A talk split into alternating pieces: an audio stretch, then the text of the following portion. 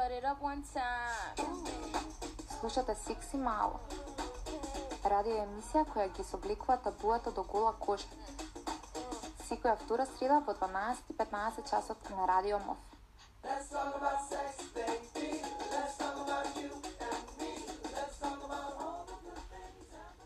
Денеска се слушаме на Facebook, во споредба со студиото на Радио МОВ.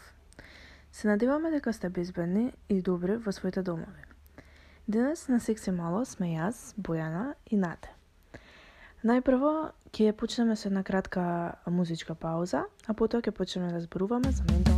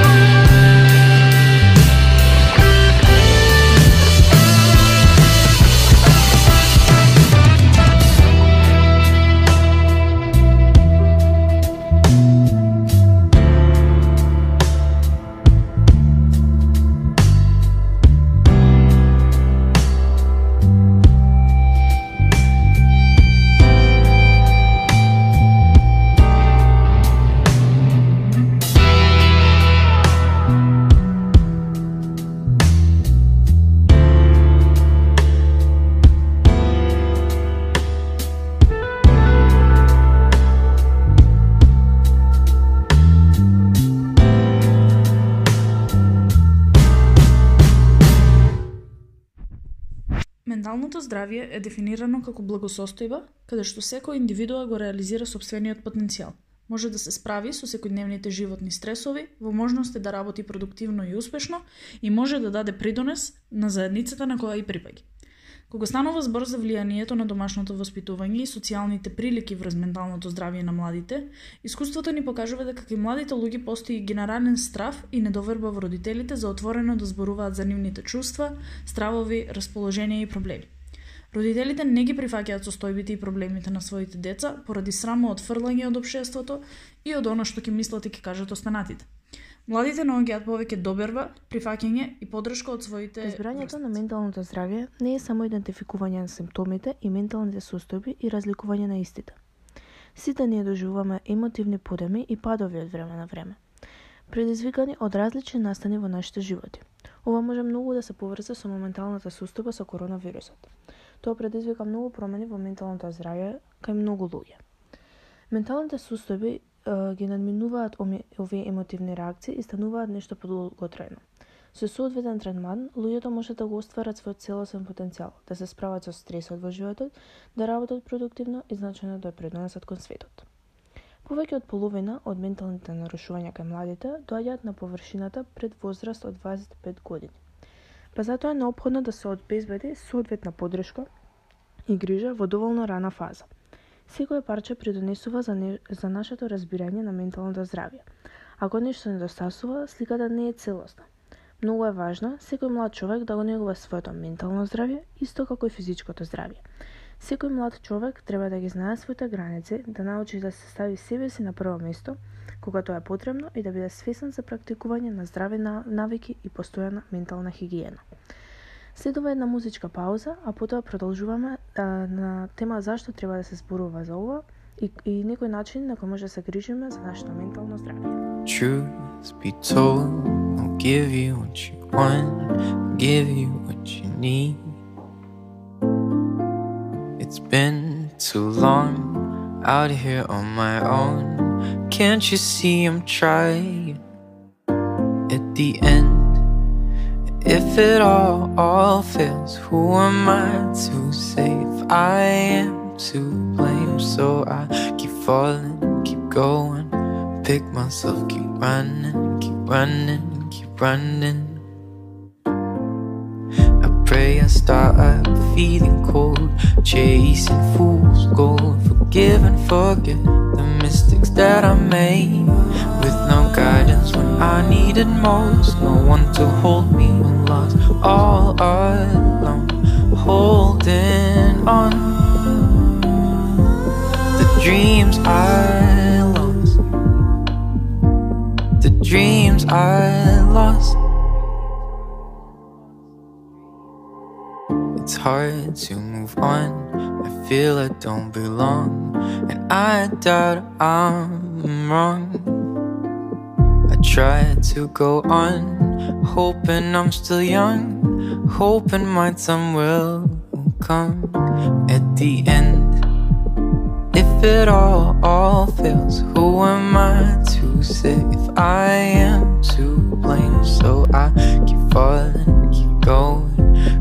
myself, keep running, keep running, keep running, running. I pray I stop feeling cold Chasing fool's gold Forgive and forget the mistakes that I made With no guidance when I need most No one to hold me when lost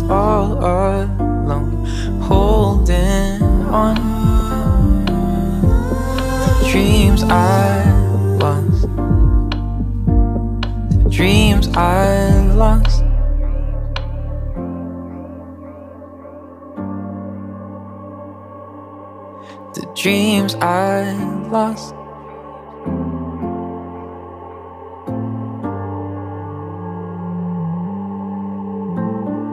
I'll give you the sun, give you all before it's done and gone. Keep you warm, far from harm. Home is right where you become one.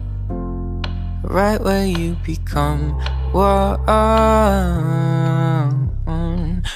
Give you the sun, give you all before it's done and gone. Keep you warm, far from harm. Home is right where you become one. Right where you become one. I pray and start feeling cold, chasing fool's gold. Forgive and forget the mistakes that I made to hold me when lost, all alone, holding on. The dreams I lost, the dreams I, I'll give you the sun, give you all before it's done and gone. Keep you warm, far from harm. Home is right where you become one.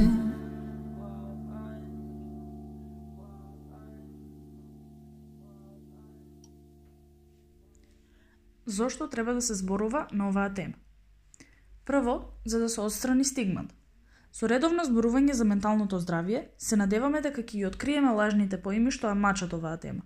Кога овие митови се разоткриени, треба да се помогне во отстранувањето на стигмата околу менталното здравје.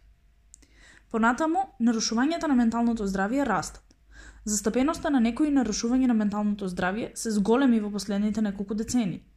Една студија открила дека појавите на голема депресивна епизода кај младите се зголемиле од 11,93% на 12,63% за една година. Исто така, колку повеќе луѓе зборуваат на овие теми, само докажува дека веќе не си сам во своите борби и зборувањето за менталното здравје треба да биде поприфатливо. Исто така, промовирањето на третман за менталното здравје и намалување на стапката за самоубиства е многу важно. Од многуте причини зошто треба да зборуваме за менталното здравје, ова е веројатно најважно. Бидејќи менталното здравје е толку табу, многу луѓе не го добиваат потребниот третман. За возврат, нивното лошо ментално здравје може да доведе до самоубиство.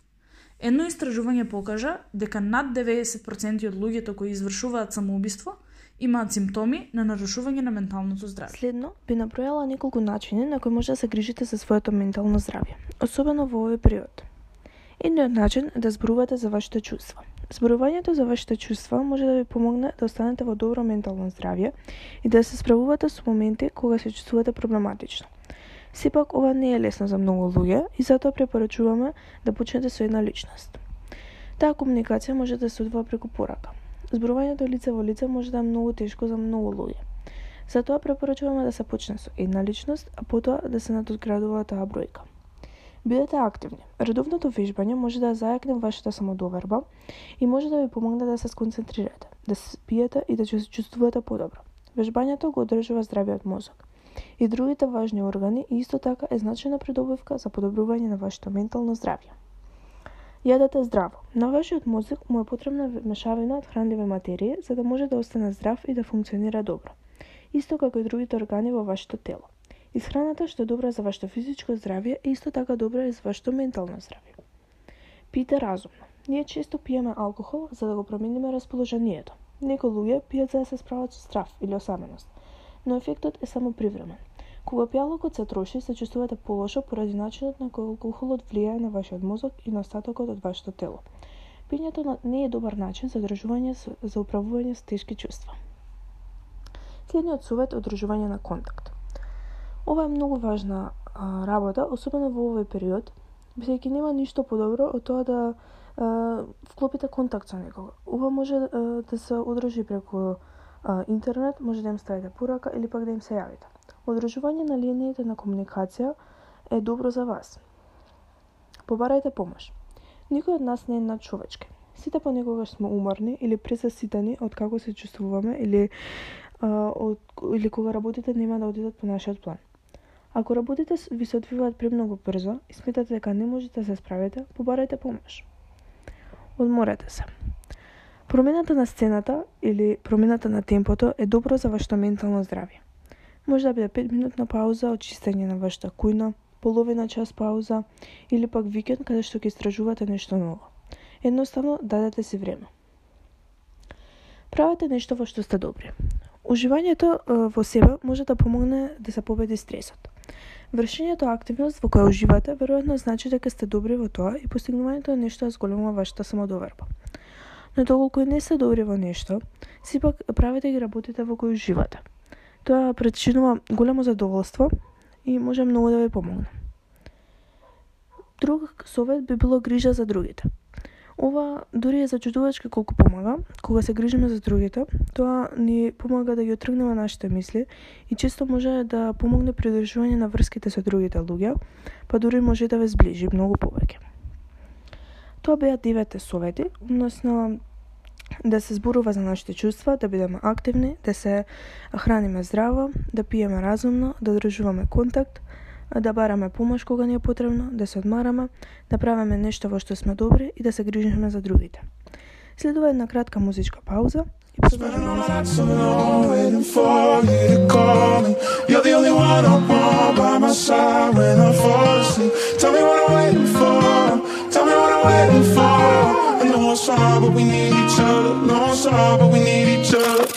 I move mountains on my need nobody else. Change your mind when I change my life. Better start believing in myself. And we all now looking for, looking for God, so we never see it in ourselves. Shit divine and adventure and movie style. It's hard to tell what a prayer compare. You can find me dancing in between the raindrops, trying to find a way to make the pain stop. Overtime on the graveyard, got a nigga feeling bad. My instability trademark, copywritten in all my decisions. This is not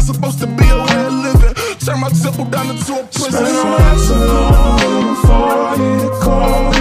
You're the only one I want by my side when I fall asleep. Tell me what I'm waiting for.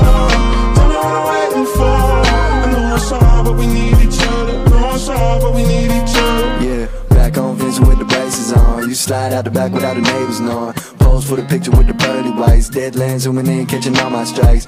Trade drone for some money and she gave me all I need for the night. 40 advice, morally alright, but I need some advice and I know that I'm acting foolish. Push it, put me up around noonish. Half a blunt, yeah, we coolin'. Push it up, putting all outcasts, 100 days eating, yeah, we cruising.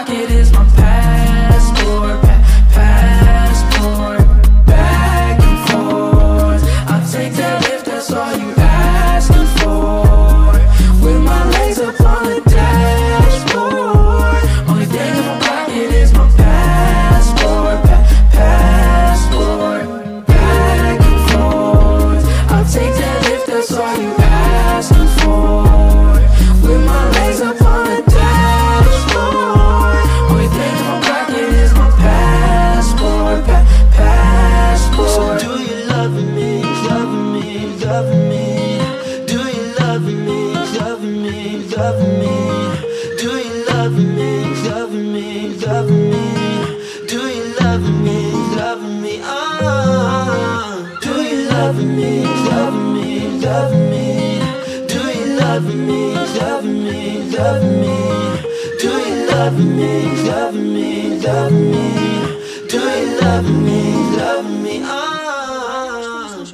Се надеваме дека ви се допадна и предлагаме да пробате барем еден од начините за справување со менталното здравје или доколку имате други совети, да ги оставите во коментар. Имајте убав ден!